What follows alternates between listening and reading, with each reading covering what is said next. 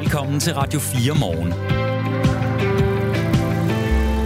Og der kommer gudskelov og heldigvis øh, rigtig mange sms'er ind øh, den her morgen, og en af de historier, som vi fortæller om og fortæller om gennem hele morgenen, øh, er der kommet rigtig mange sms'er om, og det er altså det her meget, meget ulykkelige øh, dødsfald, hvor en 8-årig pige døde i et lægehus. Måske formentlig, øh, fordi der var nogle sprogbarriere mellem øh, lægen, far og det her lægehus, og måske også øh, fordi, at der øh, kan være svært, når man er flygtning eller indvandrer, at forstå, hvordan det danske sundhedsvæsen fungerer. Bo har skrevet, øh, ja, det er bare super, når lægesekretærerne hos de praktiserende læger sidder og leger læger selv. Opkaldet skulle være konsulteret med en rigtig mediciner med det samme, og det skulle ikke være op til en kontoruddannet medarbejder, som skal sidde og være dørvogter mellem liv og død. Og Mikkel skriver, når man har stærke følelser, så bliver alle sprog, selv ens modersmål, svære at udtrykke sig på. Øh, man behøver ikke komme fra Syrien for ikke at blive taget seriøst på alarmcentralen. I sommer oplevede vi, at alarmcentralen afviste mig øh, om at sende en ambulance på vores datter, øh, som har fået alle tingene ud i en ulykke hjemme hos sig selv, så vi måtte selv køre som ambulance til skadestuen, skriver Ulrik øh, Jørgensen fra Nordfyn. Og lidt i samme øh, spor skriver Finn, man får heller ikke hjælp hos 112. Min kone havde en blodprop i hjernen og fik at vide, at hun skulle tage et par hovedpinepiller. Der er også en, der gør opmærksom på, at der også kan være øh, en omvendt sprogbarriere, altså hvor øh, øh, læger med udenlands baggrund kan være øh, så dårlige til dansk, at det kan være svært at forstå som patient. Og det er altså en historie, vores undersøgende redaktion her på Radio 4 har lavet, og hvis du er nysgerrig, og det kan vi virkelig stærkt anbefale, øh, så gå ind og hør den her podcast. De første to afsnit øh, ligger allerede klar, øh, øh, hvor vi får beskrevet den her øh, tragiske historie, og podcastserien hedder Den døde pige i lægehuset. Ja, og det er så øh, historien om den 8-årige syriske pige, Ayam, som døde af det her hjertestop hos sin praktiserende læge i Haderslev Kommune, som følge af et astmaanfald i sommer. Ifølge to eksperter, som har vurderet forløbet for øh, Radio 4, så har det haft en stor betydning for sagens udfald, at hun var barn af syriske flygtninge, som øh, taler øh, ikke så godt dansk. Øh, for der blev nemlig ikke brugt nogen tolk. Kommunikationen, den er helt afgørende, og den er jo i den grad gået galt. Jeg vil sige, at vi har her med et fatalt tilfælde, der skyldes primært dårlig kommunikation på grund af sprogbarriere. Sådan lød det fra Lars Bjergum, som er praktiserende læge og professor i almen medicin på Københavns Universitet. Og også Christian Weise, der er overlæge og professor i tværkulturel medicin på Aarhus Universitet, retter øh, han en kritik mod lægehuset, der skulle tilse den her 8-årige pige. Farens bekymring i forhold til at stå med et akut kritisk dødssygt barn, den, den er ikke blevet taget alvorligt her. Men det er ikke den eneste gang, at et barn er afgået ved døden, hvor sprogbarriere mellem læger og forældre har været en afgørende faktor. I 2019 døde en bare fireårig dreng, der også var barn af syriske flygtninge. Han døde af akut leukemi, og læger vurderede efterfølgende for Styrelsen for Patientklager, at drengen ikke blev undersøgt ordentligt, fordi der var problemer med at forstå øh, familien. Og her blev der altså heller ikke brugt nogen tolk. Morten Sodemann er professor og overlæge på Indvandrermedicinsk Klinik på Odense Universitetshospital. Og med os nu. Godmorgen. Godmorgen. Du kan ikke udtale dig om de konkrete sager her, fordi du igennem dit arbejde er blevet bedt om at kigge på dem. Men i de her to sager har forskellige læger vurderet, at sprogbarriere mellem forældre og læger var medvirkende til, at to børn døde. Overrasker det dig, at det kan ske i det danske sundhedsvæsen? Jeg synes jo egentlig, at jeres sms-kommentarer beskriver meget godt de enorme udfordringer, der er i kommunikationen mellem læger og patienter, eller sundhedsvæsen og patienter. Der er meget ofte øh, mange ting på spil. Der er, er stærke følelser, der er angst, øh, og der er et behov for, at tingene sker i, i, i en, vis, øh, en vis fart. Øh, og det er jo ikke altid, sundhedsvæsenet er givet øh, til at gå fra 0 til 100 øh, på den måde, som patienterne måske øh, føler, de har behov for. Hvis der så ovenikøbet er en sprogbarriere øh, og en forståelsesbarriere, øh, så kan det pludselig gå meget, meget galt, fordi det ofte starter sådan en kaskade af, af uheld, hvor diagnosen er lidt forsinket, behandlingen er ikke optimal, opfølgningen er ikke optimal, og man ved ikke helt præcis, hvornår man skal henvende sig til, øh, til lægen. Det der med at sige, at du skal komme, hvis det er akut, kan være, kan være et problem for mange patienter at forstå. Nogle vil tro, at det er øh, om en halv time, og andre vil vente øh, fem år på det. Vi er meget upræcise, når vi kommunikerer de her ting til patienterne. Når der er en sprogbarriere, så starter det altså den her øh, tsunami af, af problemer på mange felter. Morten Sodemann, jeg ved ikke, om du har et headset på, men hvis du har, så, øh, så må du godt sørge for at, øh, at sidde stille med det. Der er en lille smule knitren øh, på det. Øhm, mm. Og så vil jeg lige spørge dig opfølgende, altså, øh, er du, det lyder som om, du ikke er overrasket. Hvorfor er du ikke overrasket over, at sådan noget her kan forekomme? Ja, vi startede jo indholdsmedicinsk klinik i Odense af, af samme årsag, at, at der er mange, ofte meget komplekse udfordringer i forbindelse med sprogbarriere. Det starter og slutter jo egentlig med, at man, at man ikke rigtig får brugt tolk, men, men der er også nogle ting omkring forståelsen af, af kroppen, forståelsen af behandling, forståelsen af det danske sundhedsvæsen, som kan gøre det svært øh, med, med sådan almindelig information at, at komme igennem med de normale budskaber, vi har til patienter. Det kræver lidt mere tid, det kræver lidt mere øh, omhyggelighed, og det kræver især, at man er sikker på, at patienterne har forstået, hvad de selv skal gøre, og hvornår de skal øh, søge hjælp. Så det er noget, vi har, har hvad skal man sige, startet den her klinik primært for at, at prøve at få hul på, hvad er det, vi skal lære af det her. Og har jo også undervist i det lige siden. Og, og vi ser rigtig mange sager, hvor det i virkeligheden starter med, at man ikke får brugt tolk, og så altså, diagnosen forsinket, og så er behandlingen ikke rigtig optimal, og opfølgningen heller ikke optimal. I de to sager, som øh, vi her på Radio 4 kommer til at afdække, bliver der ikke brugt tolk, når børnene bliver undersøgt af læger i tiden op til deres død. Og det er netop den manglende tolk i forbindelse med undersøgelserne, som øh, flere læger vurderer har været medvirkende til, at det er gået så galt. I begge sager har de øh, behandlende læger nemlig forklaret til sundhedsmyndighederne, at der var øh, nogle sproglige vanskeligheder mellem dem og, og forældrene. Morten Sodemann, du grundlagde i 2008 Indvandrermedicinsk Klinik på Odense Universitetshospital. Undervejs har du udgivet øh, flere rapporter øh, og bøger om de fejl, der sker, når læge og patient ikke forstår hinanden. Øh, er det her en, en generel tendens, altså at der ikke bliver brugt tolk, på trods af, at der er en øh, udtalt sprogbarriere? Der blev lavet en undersøgelse for en del år siden øh, af patienter med, øh, med altså, tosproget baggrund. Omkring 30 procent af dem oplyste, at de havde haft samtaler med en læge, hvor der burde have været tolk til stede. Og det tror jeg ikke er et helt skævt tal, at, at cirka en tredjedel oplever, at de øh, faktisk ikke rigtig får sagt det, de gerne vil, og det betyder, at lægen får en ufuldstændig sygehistorie, øh, og heller ikke forsikrer sig, om patienten har forstået informationen, og især, hvad man skal gøre, hvis sygdommen forværres, eller behandlingen giver, bivirkninger. Så sidder man jo tilbage med et spørgsmål, der bare hedder, hvorfor hyrer de her lægehuse ikke bare en tolk, når øh, de kan se, at der er en sprogbarriere? Det er jo ikke kun, øh, hvad skal man sige, læger i, i almindelig praksis, der har den udfordring. Øh, det er jo det samme, der gælder på sygehusene og i kommunerne også, for den sags skyld. Sagsbehandlerne bestiller heller ikke tolk, når de skal der er sådan en generel opfattelse af, at det, det er noget bøvl, det er forstyr, øh, hvad skal man sige, ens arbejdsrutiner. Øh, og så har man også en eller anden mærkelig forståelse af, at tolke er, er for dårligt uddannet. I, I Region Syddanmark, der har vi et, et offentligt øh, tolkebyrå, øh, uddannet inden for sundhedsvæsenet, og som er, er ansat i sundhedsvæsenet og bruges af sundhedsvæsenet. Og de er tilgængelige for de øh, praktiserende læger nu. Det er så først for nylig, at det er blevet muligt, at praktiserende læger kan bruge dem. Så før har de jo været lidt overladt til de mange forskellige byråer, der er øh, rundt omkring, og de har ikke alle sammen været lige gode. Så der har også været en udfordring med, at, at det har været svært for praktiserende læger at skaffe tolke, og så får de ikke ret meget ekstra for en samtale, der i virkeligheden tager mindst dobbelt så lang tid. Når man skal sige tingene to gange, så tager det dobbelt så lang tid, men det er ikke helt afspejlet i deres honorar. Mm, hvad kan man så gøre? Altså, hvad, hvad ser du som en mulig løsning på det problem?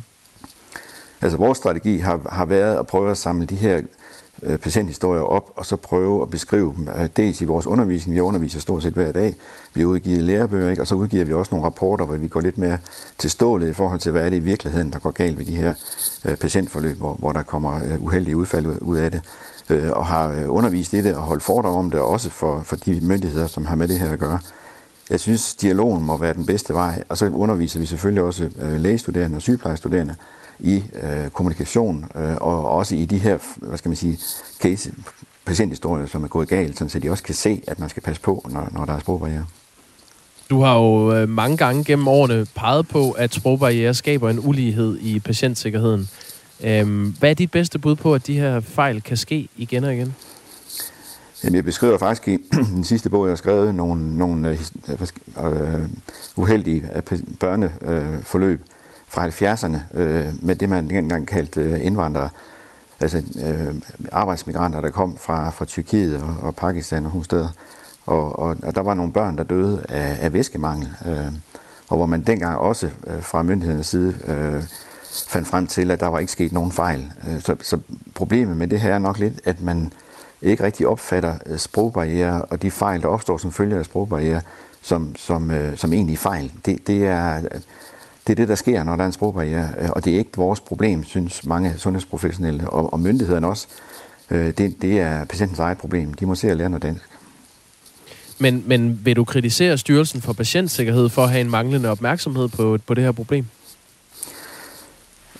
Patientsikkerhedsstyrelsen blev jo oprettet øh, for ikke så mange år siden, øh, og før da var det jo Sundhedsstyrelsen. Så jeg synes jo egentlig både, det er Sundhedsstyrelsen og Styrelsen for Patientsikkerhed, som, som har et ansvar for at sikre, at, at øh, sundhedsloven også bliver fuldt. Fordi der står faktisk i loven, at lægen har pligt til øh, at skaffe en tolk, øh, hvis der er behov for det. Den anden vej rundt øh, var der også en af lytterne, der skrev, at, at hvis man ikke kan forstå lægen, hvad så? Så, så det er sådan set en, en tovejs proces, hvor der er øh, en enorm udfordring på øh, patientsikkerheden, og som ingen rigtig vil røre ved. Altså hverken Sundhedsstyrelsen eller Patientsikkerhedsstyrelsen har rigtig taget det her op og taget det alvorligt øh, som en del af sundhedsvæsenet. Man har i mange år ment, at det var sådan en ekstern udbyder, som man kalder det. Det var en, der kom udefra, og det var sådan deres problem at, at passe på patientsikkerheden. Det er det ikke. Det er øh, Sundhedsstyrelsen og Patientsikkerhedsstyrelsen, som har ansvaret for, hvad der foregår i sundhedsvæsenet, og derfor er det også deres ansvarsområde, at der bliver at det er lettere at få en tolk, og de er dygtige, de tolke, man har, og at folk også bruger tolke. Tak skal du have, Morten Sodemann. Velkommen. Professor og overlæge på Indvandrermedicinsk Klinik på Odense Universitetshospital. Øh, du kan høre hele historien om, hvordan det kan ske, at en 8-årig pige dør på gulvet hos sin egen læge i podcasten Den døde pige i lægehuset. Du kan finde den i Radio 4's app. De to første afsnit ligger klar til dig allerede nu, og du kan også gå ind på radio4.dk og læse en øh, artikel om sagen med, øh, med billeder og så videre. Øhm, det vil jeg anbefale dig at gøre. Klokken er 17 minutter over syv. Radio 4 taler med Danmark. Med en overbevisende indsats så spillede Danmark sig i går i semifinalen ved VM i håndbold. Undskyld. De ungarske modstandere blev mere eller mindre spillet af banen, og det endte med en sejr på hele 40-23 til det danske hold. Og dermed så skal Danmark spille semifinal mod Spanien på fredag. Og derfor så kigger vi en lille smule frem mod den her kamp, og det gør vi sammen med Jonas Løjtved. Du dækker VM i håndbold for os på Radio 4. Godmorgen. God morgen til jer. Lad os øh, kigge fremad. Hvad er det for en øh, kamp, som øh, venter mod Spanien på fredag?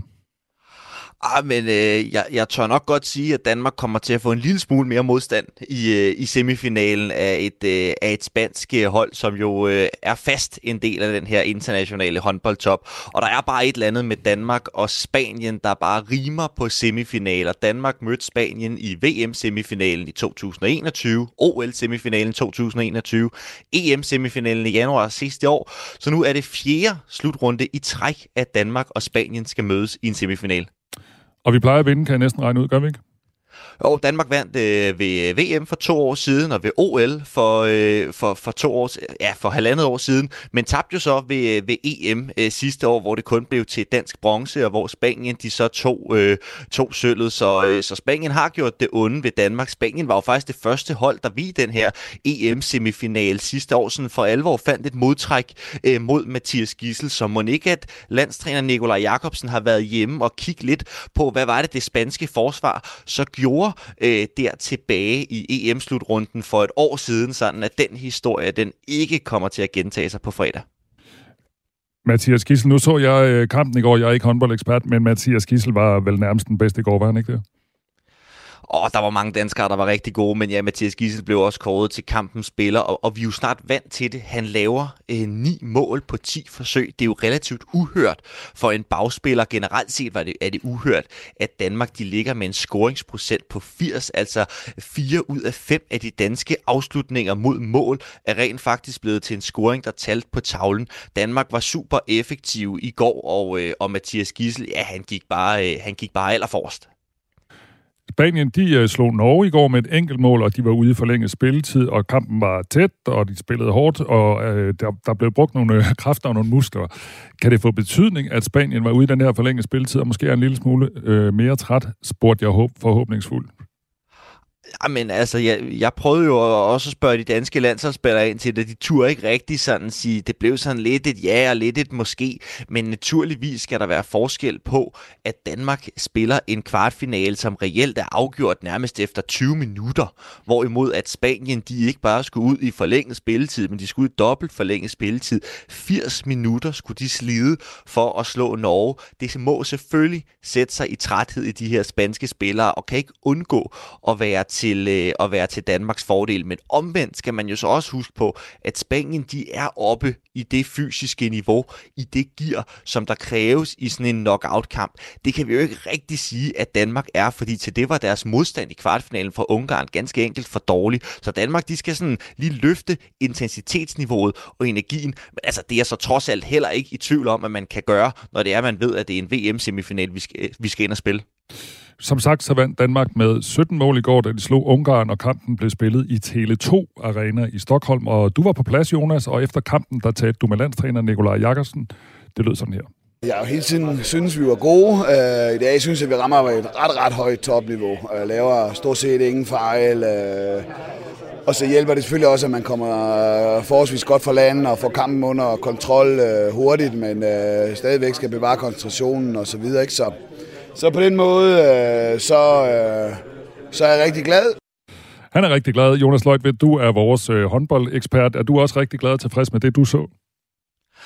Det vil, være, det vil være umuligt at være andet. Altså, det er jo ikke hver dag, at man går ind og vinder en VM-kvartfinale med, med, med 17 øh, mål. Altså, nu har jeg ikke lige øh, VM-historien liggende foran mig, men det er altså ikke hver dag, at en knockout-kamp bliver afgjort med, øh, med, med så store cifre. Jeg var også inde på det lidt før. En dansk scoringsprocent på 80. Et hyper-effektivt og koncentreret øh, dansk, øh, dansk angrebsspil.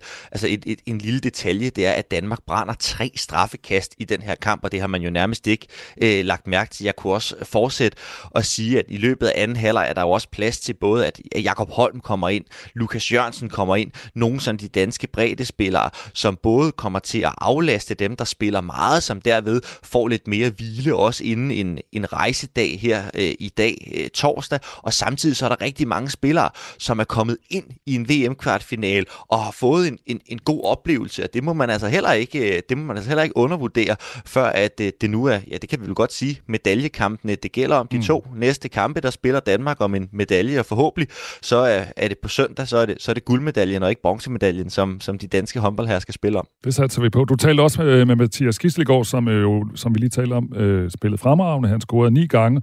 Og noget af det, han bemærkede ved kampen, var, at der var ikke den øh, store danske opbakning, som der var, da de spillede i Malmø meget stor hal øh, med ikke så mange tilskuere øh, til vores kamp i hvert fald. Øh, men klart, det er vilkårene. Vi vidste jo også godt, at, øh, at der ikke kom så mange øh, danskere i dag, men dem, der var der, var jo dejlige at se. Så håber vi, når det bliver weekend, nu skal vi nok til Polen, øh, men så håber jeg, at når det bliver søndag, at vi alle sammen kan mødes her igen, og, og der kommer lidt flere røde-hvide øh, flag blandt tilskuerne.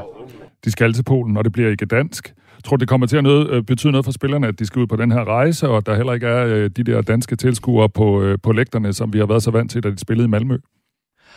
Altså, hvis vi, hvis vi starter med det med tilskuere på, øh, på lægterne, så betød det jo i hvert fald ikke det store i, øh, i kampen i går, selvom at, øh, at speaker og DJ prøvede ganske vist at, at få gang i den her klassiske fællesang på, øh, på Volbeats for evigt. Det var der altså ikke helt nok øh, danskere til, og generelt set var det bare en, det, det, var, det var en rigtig sløj atmosfære. Øh, svenskerne havde, øh, havde måske lige misset, at der også blev spillet en kvartfinal, før de selv spillede kl. 20.30. Der var i hvert fald ikke særlig mange tilskuere, da Danmark øh, øh, startede klokken, øh, klokken 18. Så det var jo helt, det var helt mærkeligt efter så god stemning i Malmø Arena at sidde i en øh, at sidde i sådan en ja, mere end halvtom øh, kæmpe øh, Tele2 Arena i, øh, i Stockholm.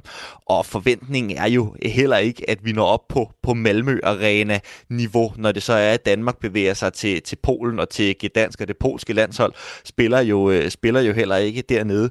Men altså, jeg ved da, at der, der er danskere, som arbejder på at og, og sådan hurtigt kunne komme til, Øh, til Gdansk og, øh, øh, og, og skaffe nogle billetter øh, til det, men det bliver jo ikke den opbakning fra, fra 10.000 danskere, som de blev mødt af i, i Malmø Arena under de, øh, under de indledende kampe. Og så er der det med rejsedagen og med, med rejsetiden for de danske håndboldherrer, at det er de selvfølgelig øh, irriteret over, men nu, nu er de også nået til sådan et punkt, hvor, at, øh, hvor at, at man har ligesom indstillet sig på, det er vilkårene. Vi skal ud og øh, ud og rejse, så kan man øh, ryste på hovedet af de, øh, af de svenske og de, og de polske arrangører, og synes, det er noget, noget mærkeligt noget, men det danske håndboldlandshold rejser ved middagstid i dag øh, til, øh, til Polen, til Gdansk, bliver indlogeret på hotellet, så har landstræner Nikolaj Jakobsen valgt at aflyse øh, træning i dag, for ligesom at, øh, for ligesom at, at aflaste, give spillerne bedst, mulig, øh, bedst mulighed for at restituere frem mod øh, den her øh, semifinal, og så umiddelbart efter semifinalen semifinalen, uanset ja, hvordan det går. Fredag så flyver de danske spillere allerede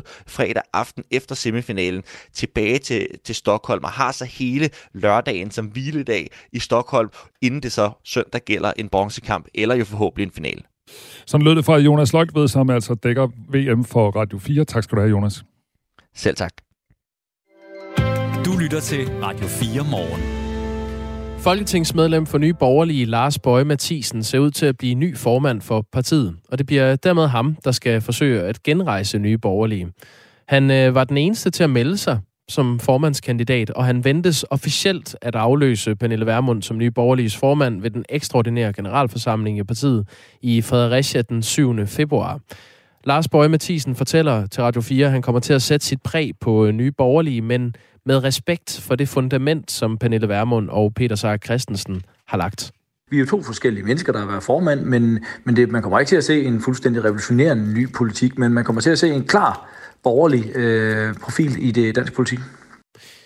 Flere politiske kommentatorer taler om, at der er et af de øh, tre øh, højrefløjspartier i Danmark, altså Danmarksdemokraterne, Dansk Folkeparti og Nye Borgerlige, der må lade livet. Der er simpelthen ikke plads til, til tre. Det er spørgsmålet, om der er det. Men Nye Borgerlige har i hvert fald noget helt unikt, fortæller Lars Bøje.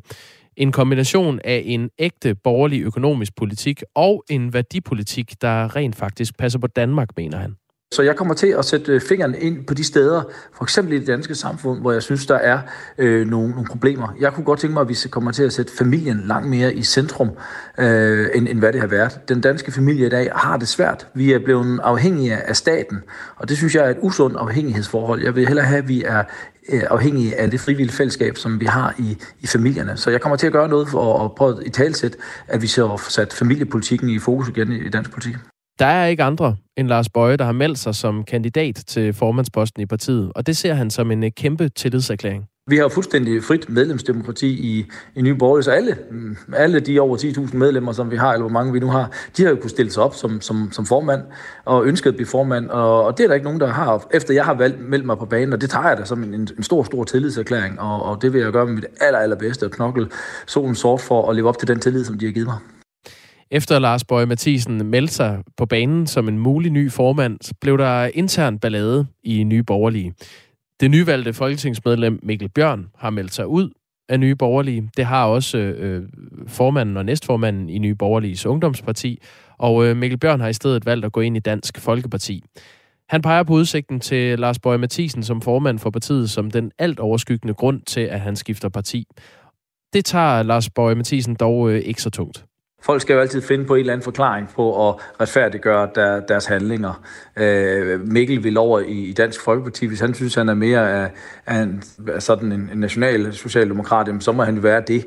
Øh, det, må, det må, må han selv lægge, lægge råd med.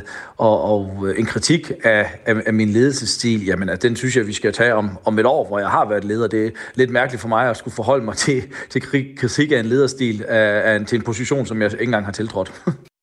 I et Facebook-opslag øh, skriver Mikkel Bjørn, at Lars Bøge Mathisen er en solorytter. Og øh, det forholder han sig til her, Lars Bøge Mathisen. Han kan ikke genkende det billede af sig selv.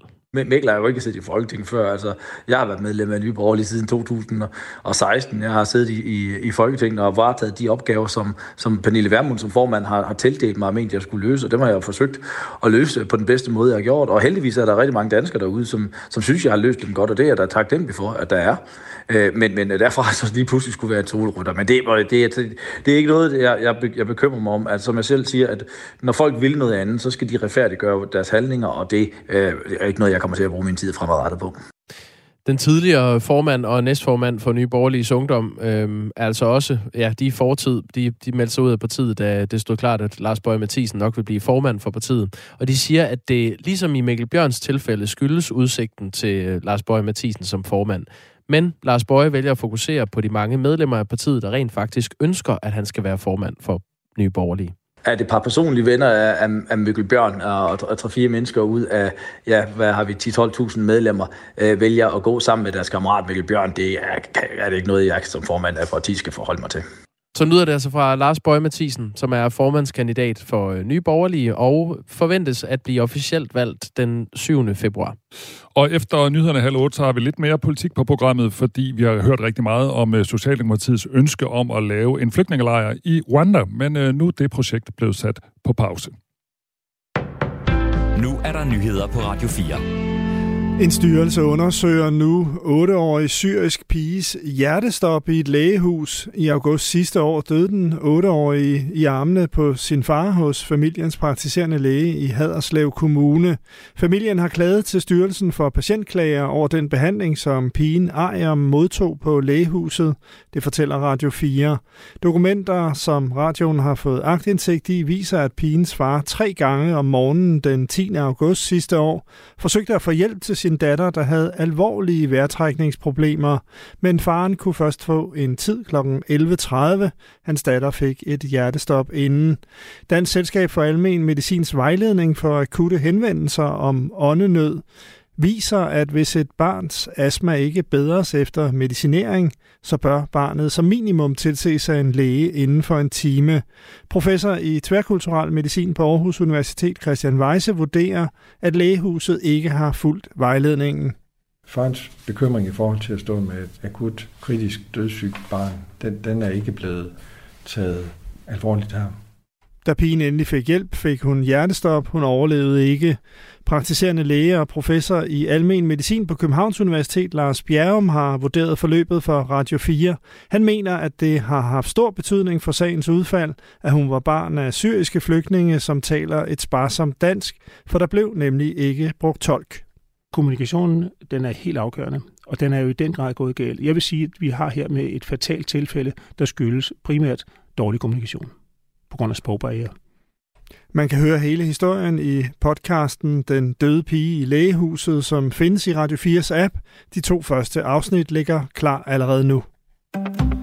Ukraines præsident Volodymyr Zelensky var fuld af lovord, da han i sin daglige tale i aftes takkede Vesten for løfterne om moderne kampvogne til Ukraine.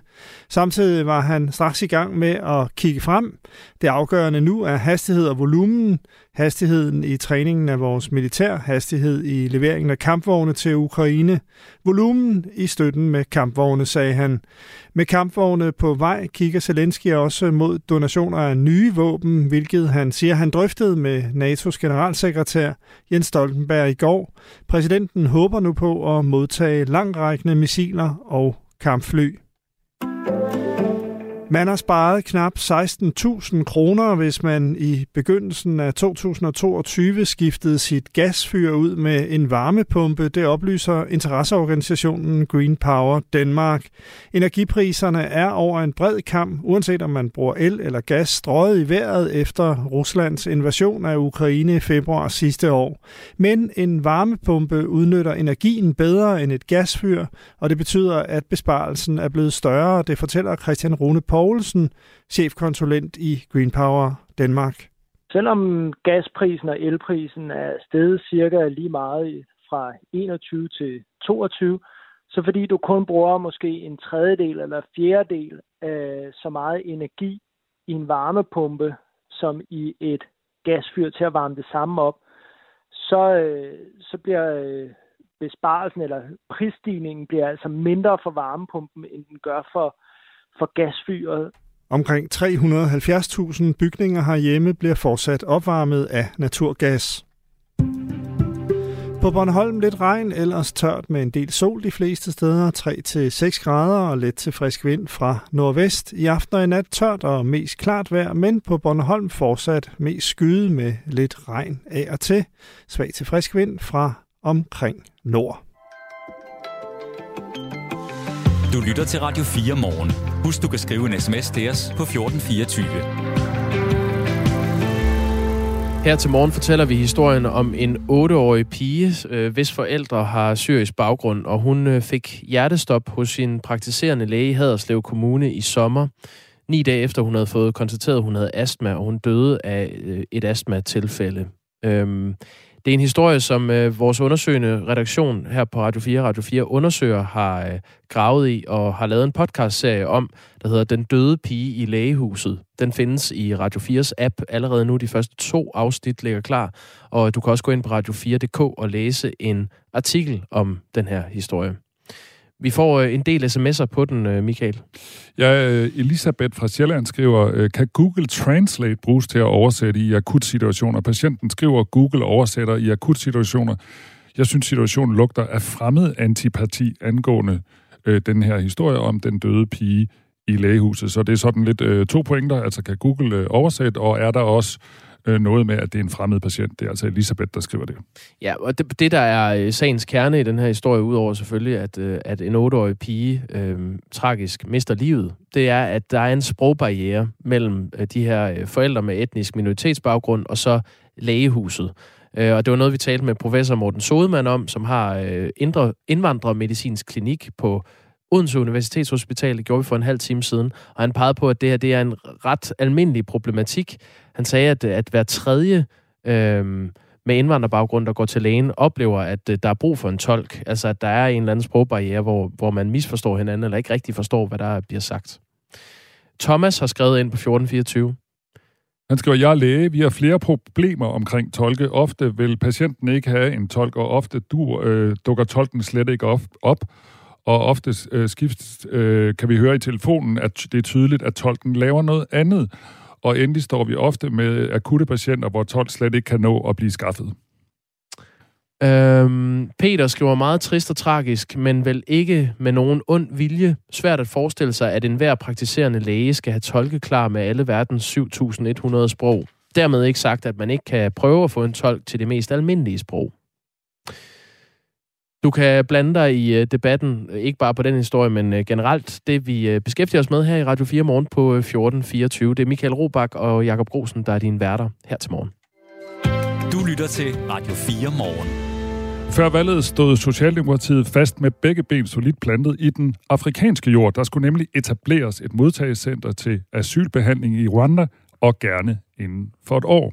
Men projektet er nu sat på pause, mens Socialdemokratiet og resten af regeringen undersøger mulighederne for at få andre europæiske lande med på ideen. Det oplyser udlændinge- og integrationsminister Kort Dybvad Bæk til mediet Altinget.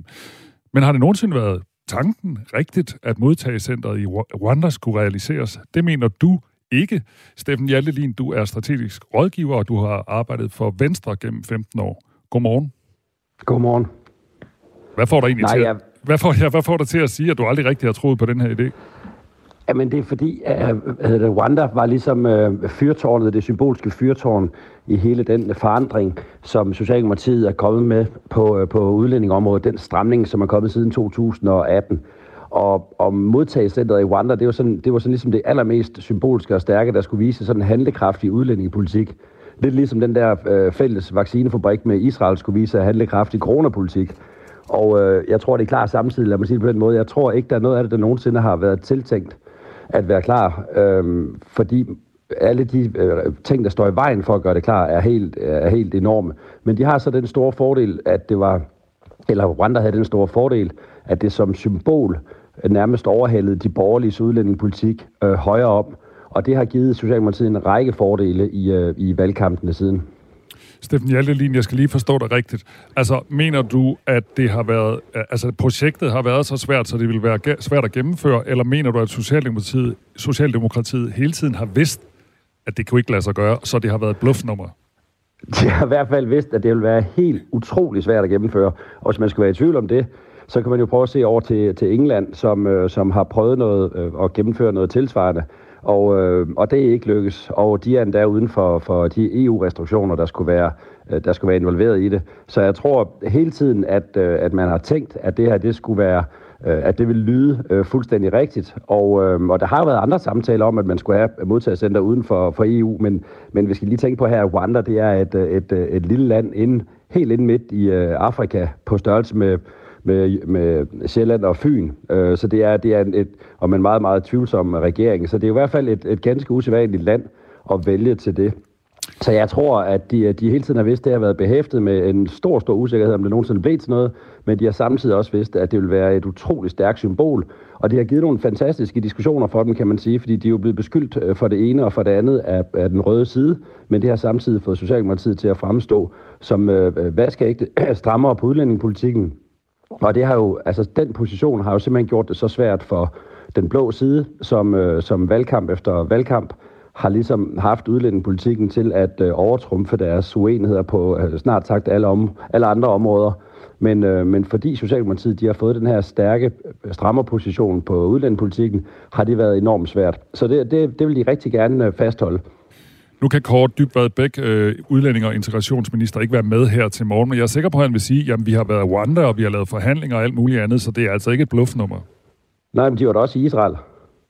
Jamen, jeg mener bare, at det man bliver nødt til, det bliver man nødt til at gøre, hvis, hvis det skal se ud som om, at det er øh, at, øh, at, øh, at det skal blive til noget, og jeg kan jo ikke afvise, som de har troet, der var en, en, nogle få procent sandsynlighed for, at det blev til noget, men det er begavede mennesker, og de ved, hvad der er for nogle kæmpe udfordringer, der vil være for, at det her vil lykkes, og de har tænkt, at øh, jeg er sikker på, at de har tænkt, at mens vi forfølger det her, i hele perioden vi forfølger det her, så vil det have store symbolske fordele. Og det der, at man, man kan også se nu, at selv nu, hvor hvor det ikke var til at få i regeringsgrundlaget. Moderaterne har hele tiden synes det var en meget, meget øh, symbolsk øh, handling mere end noget som helst andet.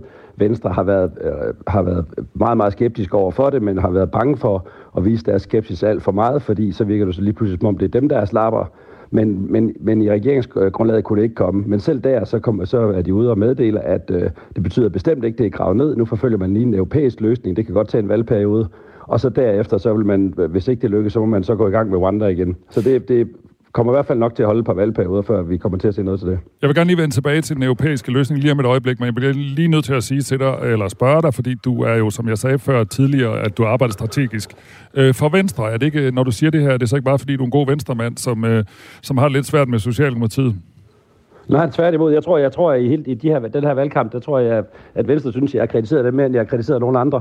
I, så, så det er, og jeg, jeg er ikke medlem af Venstre, og har ikke været det i, uh, siden vi har op med at arbejde for den for, for tre, tre år siden. Så altså, det er næppe det. Det er måske snart det, at, øh, at jeg ved, hvad der virker til et valg. Og det her, det har gjort underværker for, for Socialdemokratiet til et valg. Øh, og, og det har på intet tidspunkt virket som noget, øh, der, der vil være let gennemførligt, måske endda næsten umuligt, og, øh, og nu bliver det så parkeret øh, til fordel for et, at forfølge en, en, en fælles europæisk løsning, som vi jo så heller ikke hører ret meget i detalje om, hvordan skal forfølges. Nogle gange, når man vil lave en fælles europæisk løsning, så bliver det næsten en syltekrukke for de store problemer. For eksempel, hvis man vil gøre det i EU-regi, er enormt svære at finde ud af for alle EU-landene. Er det det, du siger, at hvis man siger noget med Europa og EU, så er man sikker på, at øh, så bliver det sikkert ikke til noget? Nej, jeg, altså, jeg tror ikke, det er, altså, jeg tror, de er lige svært ved at blive til noget, de her, øh, de her løsninger. Grunden til, at det bliver fælles europæisk nu i stedet for, det er jo fordi, at man skal finde noget, som alle tre partier kunne øh, blive enige om, og måske man der også havde skrevet i retning af det for at få radikale med, som jo gik i sidste øjeblik. Så, øh, så, så det er måske øh, det er måske et reelt forsøg på at, øh, at nå en fælles europæisk løsning, og det er også klart, at hvis vi får nogle, hvis vi kommer tilbage til en situation som 2015, hvor, hvor, hvor tingene kommer, eller hvor der kommer så mange flygtninge ind over grænsen, så skal man jo også tænke øh, i den retning, eller man nok nødt til i Europa at tænke i den retning, ligesom man gjorde med Tyrkiet dengang.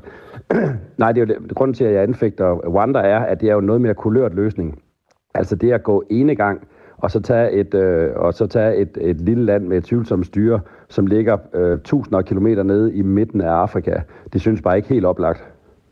Regeringen vil ikke give en uh, tidshorisont for, hvornår et modtagelsescenter i uh, Rwanda kan være færdigt, men uh, ifølge udlændinge- og integrationsminister Kåre Dybvad Bæk, så var det ikke mere end fem år, uh, fem, år, fem år, før vi har et modtagelsescenter, altså i en eller anden slags europæisk samarbejde. I går der sagde han sådan her til Ritzau. Lad os lige prøve at høre. Jamen, vi forhandler stadig øh, med Rwanda, som er det land, som vi har lagt op til at skulle lave en, en ren dansk løsning med.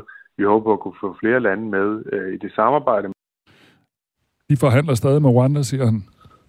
Hvad tænker du jamen, om det? det ja, jamen, det tror jeg, det kan man jo også godt. Øh, men det betyder jo ikke, at det er tættere på at komme til at ske.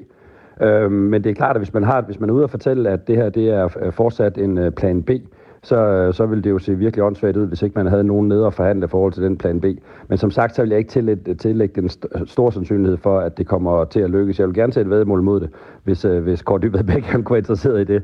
Det tvivler jeg på, men øh, han siger også, at det kommer til at tage en fem år, så, så vi rækker i hvert fald ud over over næste øh, valgperiode. Så man vil stadigvæk kunne sige, det, øh, sige, at man planlægger det her, og vi skal have et modtagscenter der.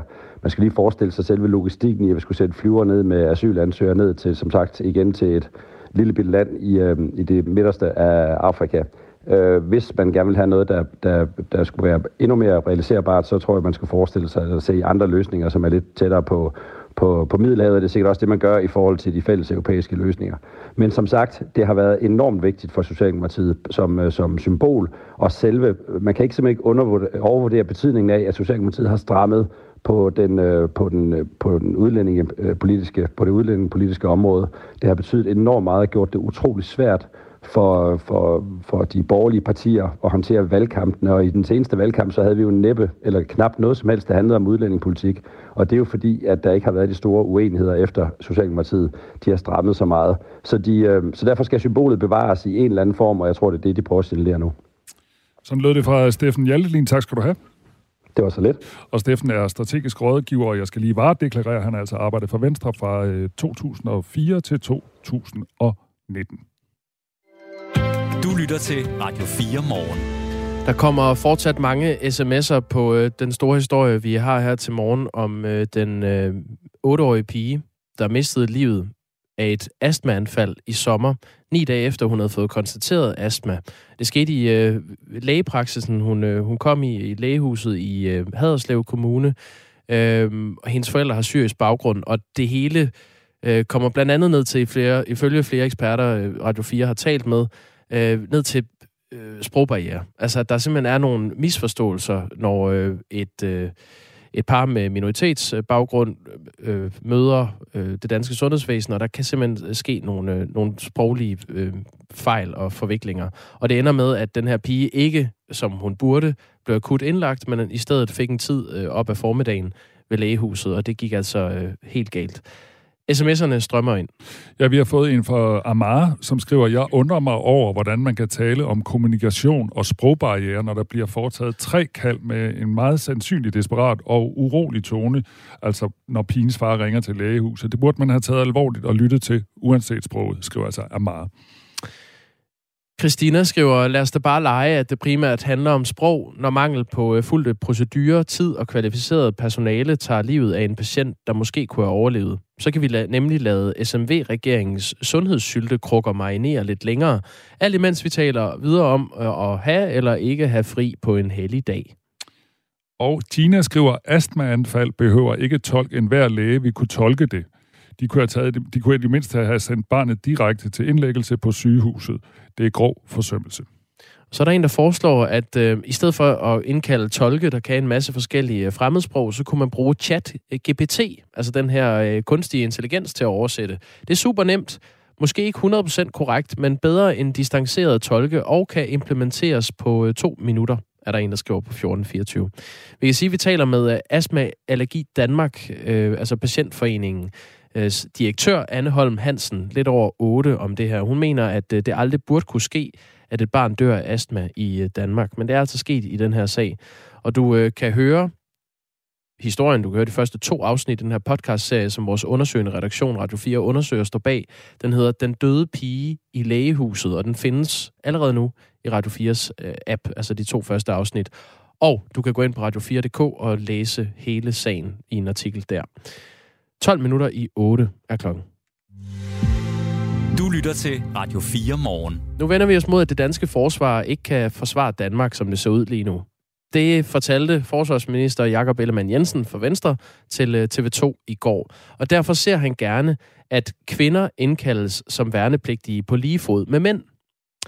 Karen Filippa Larsen er forkvinde i foreningen Kvindelige Veteraner, der arbejder for kvinders trivsel og vilkår før, under og efter udsendelse. Og med os nu. Godmorgen, Karen Filippa Larsen. Godmorgen. Lad os lige øh, lægge ud med at høre, hvad Jacob Ellemann blandt andet sagde i det her program Libert på TV2 News i går. Jeg synes, vi har brug for, øh, for en langt større grad af, af ligestilling i forsvaret. Er du enig i det? Altså øh, ja, altså, vi støtter som udgangspunkt øh, værnepligten, fordi den vil øh, ligestille øh, øh, kvinder i forsvaret med deres mandlige kollegaer.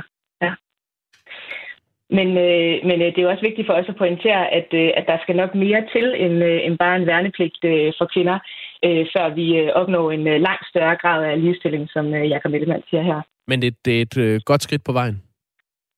Øh, vi synes i hvert fald, det er et, det er et skridt på vejen. Ja, helt klart. Øh, det, det kræver dog, at, øh, at der kommer nogle, øh, nogle andre tiltag med, øh, som, øh, som vi mener er helt nødvendige, øh, før at øh, kvinder kan, kan blive ligestillet med deres øh, mandlige kollegaer i værnepligten. Hvad, hvad skal man gøre for at gøre det mere attraktivt for kvinder og i øvrigt skabe mere ligestilling i forsvaret? Altså, øh, jamen først og fremmest så... Øh, tror jeg, at øh, for at skabe en, øh, en mere attraktiv arbejdsplads øh, for kvinderne i forsvaret, så er der måske to, to ting, vi skal, vi skal kigge på. Det første, det er, at øh, forsvaret har udfordringer med, med krænkelser blandt deres medarbejdere. Det har kørt sådan ret meget her i efteråret, siden TV2-dokumentaren i, i sommer. Øh, og, og det skal man selvfølgelig arbejde øh, meget aktivt med at forebygge. Har du nogen tal på, hvor, hvor omfattende det problem er? Øh, det har jeg ikke lige her. Øh, nej. Nej, okay. Det var bare øh, men, noget, du ja, op. jeg nævner det. Ja, men, øh, men øh, vi ser, og vi hører i hvert fald også øh, øh historier øh, med jævne mellemrum, hvor, øh, hvor øh, det her det opstår øh, i forsvaret. Øh, men derudover så, øh, så mener vi faktisk også, at der skal nogle, øh, nogle andre og flere tiltag til i værnepligten, øh, for at sikre, at, øh, at kvinderne ikke føler sig på besøg på, øh, på mændenes arbejdsplads. Øh, altså man skal simpelthen, øh, man skal simpelthen sikre, at, øh, at øh, kvindernes behov øh, og trivsel er en helt natur, naturlig og integreret del af, af værnepligtens udformning øh, og ramme. Hvad er det for nogle behov, øh, kvinder har, som mænd ikke har? Det kan være mange forskellige ting. Altså for eksempel så, øh, så øh, skal man selvfølgelig sørge for, at, øh, at hver gang man har en eller anden form for undervisning, hver gang det handler om øh, noget, som har noget med øh, kroppen at gøre og fysikken at gøre, så skal selvfølgelig kvinders fysik øh, og undervisning i det være en fuldstændig fast og integreret del af undervisningen, og ikke sådan eftertanke øh, i forhold til det. Øh, så har kvinder, øh, fordi den kvinde, kvindekroppen er anderledes, nogle andre øh, behov i forhold til materiel, som man skal, selvfølgelig skal sørge for, at, øh, at kvinder kan få, øh, og at, at de er tilgængelige i forsvaret. Ja, det er altså sådan noget med uniformer, der passer og forskellige ting. Ja, for eksempel uniformer, at man kan få de uniformer i de størrelser, man skal bruge, man kan få sko i de størrelser, man skal bruge. Men det kunne for eksempel også være sådan noget som, øh, som rygsække, øh, at man sørger for at, øh, at kigge på, at man kan få, øh, få bæresystemer, der er lavet til, til kvinder. Øh, både værnepligtige og andre soldater i forsvaret, øh, de bærer helt vildt meget, så det gør en kæmpe forskel, at man har et bæresystem, som faktisk er designet og lavet øh, med din krop i mente, og ikke sådan en one size, øh, one size fits all. Som det er lige nu, er der værnepligt for alle mænd i Danmark. Altså alle danske mænd med fast ophold i Danmark bliver automatisk indkaldt til det, der hedder Forsvarets dag samme år, som de fylder 18. Kvinder har omvendt ret til at gennemføre øh, værnepligtstjenesten på lige fod med mænd, og kvinder kan frivilligt vælge at blive ansat på værnepligtslignende vilkår. Dog er de ikke bundet af pligten, og de kan for eksempel opsige øh, værnepligten undervejs. Altså de, de behøver ikke at følge det til dørs. Har du egentlig været øh, værnepligtig? Nej, det har jeg faktisk ikke. Hvorfor ikke? Øh, det er fordi, jeg har været, øh, jeg er uddannet det, der hedder sprogofficer, øh, og når man er det, så starter man direkte på sergeantskolen. Okay. Det lyder jo egentlig meget fedt. Altså, det er da en fed mulighed, er det ikke det? Øh, altså, jeg har virkelig glad for at have haft muligheden for at være øh, sprogofficer. Jeg synes, det var en virkelig øh, fed uddannelse, som har givet mig rigtig mange øh, kompetencer og muligheder. Jo, helt bestemt. Øh, men det er jo sådan, at langt de fleste, der møder forsvaret, øh, de møder forsvaret i værnepligten for første gang. Øh, og det er jo også derfor, at, man, øh, at vi siger, at man har et helt særligt ansvar over for de her unge mennesker, som møder forsvaret for første gang i værnepligten, for simpelthen at skabe nogle vilkår og rammer, hvor alle kan føle sig trygge, og alle kan trives. Mm. Altså, nu, nu opstiller du de her øh, kriterier, som, som man bør leve op til i forsvaret, hvis man skal have kvinder ind i værnepligt på lige fod med mænd. Altså, for eksempel øh, rygsække, som er one size, og som passer bedre til mænd. Altså, der også er noget til kvinder. Men, men hvad er vigtigst, øh, hvis man kan stille sådan op? Er det flere kvinder mm. i værnepligten, eller bedre forhold for de kvinder, der ønsker at gøre karriere i forsvaret? Øhm, altså faktisk så vil jeg sige lige i forhold til det med, hvad skal man gøre øh, for at øh, for, hvad hedder det, for at ligestille kvinderne ordentligt eller sørge for kvinders trivsel i værnepligten. Der mener vi faktisk også, at man skal tage et kritisk blik på den kultur, der er i værnepligten lige nu, og på de forhold, der er i værnepligten nu. Og så skal man selvfølgelig undersøge det her, øh, og på baggrund af den undersøgelse øh, selvfølgelig lave de ændringer, der skal til øh, for, for, at, øh, for at fremme kvinders trivsel i værnepligten. Øh, men selvfølgelig så vil jeg sige, at, øh, at øh, det er vigtigt, at de, øh, de kvinder, der er i forsvaret, øh, de, øh, de bliver behandlet ordentligt, og at man tager deres trivsel seriøst. Øh, så det er selvfølgelig allervigtigst, at de har det godt, mens de er der, og efter de har været der. Øh, men jeg tror faktisk også virkelig på, at hvis forsvaret øh, de gør de her ting, og de, og de faktisk kigger på værnepligten med det her kritiske blik, og prøve øh, at have, øh, også have kvinders trivsel øh, i mente, øh, når de kigger på værnepligten. Øh, så, så tror jeg også, at det vil få den konsekvens, at flere simpelthen vil have lyst til at være, i værnepligt, være med i værnepligten. Nu hører vi så fra Jakob Ellemann Jensen, landets øh, forsvarsminister, øh, formand for Venstre, øh, at han gerne vil have, at kvinder indkaldes som værnepligtige på lige fod med mænd. Tror du, at der er sådan en udsigt til, at vi kommer til at få øh, mere ligestilling i forsvaret, og det her det kommer til at ske? Altså, jeg synes, sådan som den politiske, øh, eller sådan som de forskellige politiske partier, de melder ud lige nu, så, så virker det til, at der er ret stor øh, øh, villighed til at, at øh, lade værnepligten også omfatte øh, fat kvinder i Danmark. Så på den måde, øh, lige som det ser ud lige nu, så ja, så, så tror jeg, at det er ret sandsynligt, at, øh, at kvinder øh, kommer til at øh, og, og skulle i værnepligt. Øh, I forhold til ligestillingen, så vil jeg sige, at der kræver det faktisk virkelig, at man laver et andet øh, og mere omfattende stykke arbejde, og at man øh, fra forsvarets side virkelig forholder sig nysgerrigt til, hvad er det for en kultur, der er på værnepligten, og hvordan forbedrer vi den sådan, at, øh, at alle, øh, alles trivsel øh, er, øh, er med. Tak skal du have, Karen Philippa Larsen. Tak altså forkvinde i Foreningen øh, Kvindelige Veteraner. Og et indspark i debatten om, hvorvidt kvinder på lige fod med mænd skal være værnepligtige her til lands. Øhm, fire minutter i otte er klokken. Radio 4 taler med Danmark. Og nu taler vi om en klumpfisk. Yep, øh, det lægger du op til. en klumpfisk. ja, det tænker jeg. Okay, hvad, hvad, hvorfor hvad er det egentlig, det kan vi lige starte hvorfor er, hvorfor er det altid den der klumpfisk er så fascinerende? Jeg synes, vi, vi taler tit om klumpfisk her til lands. Ja. Er det fordi, den er så grim? Øh, ja, Fascinerende. det har jeg lyst til at sige. ja. det er det nok. Den, den har jo et særpræget udseende, men det har rødspænden selvfølgelig også. Ja. Eller rødspænden. Mens du øh, lavede interview, øh, så sad jeg lige og googlede lidt for, om man kunne spise en klumpfisk. Og der er altså nogen, der har prøvet det. Det er en lidt gammel artikel, der er nogen, der har prøvet at skære den ud. Øh, den, den er ikke så god at spise. Nej. Øh, fordi man, der er meget, der går til spilde, og øh, jeg har fundet en restaurant, der på et tidspunkt lavede en klumpfisk. Øh, den var på 14 kilo, og man fik altså kun 6 kilo kød ud af det. Til gengæld skulle den smage lidt af sværfisk. Nå, er det, man kan spise? Ja. Nå, skal jeg ikke lige fortælle, hvorfor vi overhovedet snakker om en klumpfisk? Jo, tak skal du have. Jo, det er fordi, at øh, der er jo skyllet en øh, klumpfisk op øh, på den nord- nordjyske strandkyst, øh, og den vejer 230 kilo. Der kan blive, noget, der kan blive nogle gode filéer ud af den. Det er en ordentlig krabat. Ja, og så i går blev den ligesom øh, desikeret på Nordsøen Oceanium. Øh, og den blev fundet der ved, på stranden ved Saltum øh, i mandags. Og nu har de kigget på den, og det er TV2 Nord artikel, jeg sidder med her foran mig. Øh, og det viser sig så, at den er død, den her klumpfisk, simpelthen fordi den har haft det for koldt. Nå, okay. De kan ikke holde til, til det kolde vand? Nej, den er, den er vant til varmere farvand, og så formoder man den ligesom på en eller anden måde ikke at kunne finde tilbage til det varme vand, og nogen øh, øh, kan ikke lige, du ved, de kan ikke finde igennem den engelske kanal, og så, så svømmer de den forkerte vej, og så er den altså ligesom havnet på en strand i Saltum, og så er den død af kulde. Det er, øh, det er jo ofte, man hører de der historier om et, øh, et havdyr, der forvildet sig op på de her breddegrader, og ligger og svømmer rundt, og ligger og dør ude i øh, et eller andet sted, tæt på en strand, og så stemler folk sammen og, og står og kigger. Har det været et tilløbsstykke, den her klumpfisk, der er skyllet op? Det har i hvert fald været et tilløbsstykke, da den blev dissekeret TV2 Nord, sendt live fra det. Så en eller anden slags øh, tilløbsstykke har det i hvert fald været, da, den, øh, da den kom på bordet. Og det, og det der gør, øh, når den fryser, så mm. bliver den meget, meget langsom. Og så kan den ikke øh, optage føde og svømme rundt, og så dør den. Ja. Okay. Ja. Jamen, øh, hvad nu så? Hvad er perspektiverne i den her historie? Ja, nu bliver den frosset ned til forskning. Ja, okay. Så den kommer ikke øh, til at blive serveret med rest på og persillesovs, må vi formode. De dele af den, man kunne spise. Ja. Okay, jamen yes. øh, klumpfiskenyt. Klumpfiskenyt. Du lytter til Radio 4 morgen.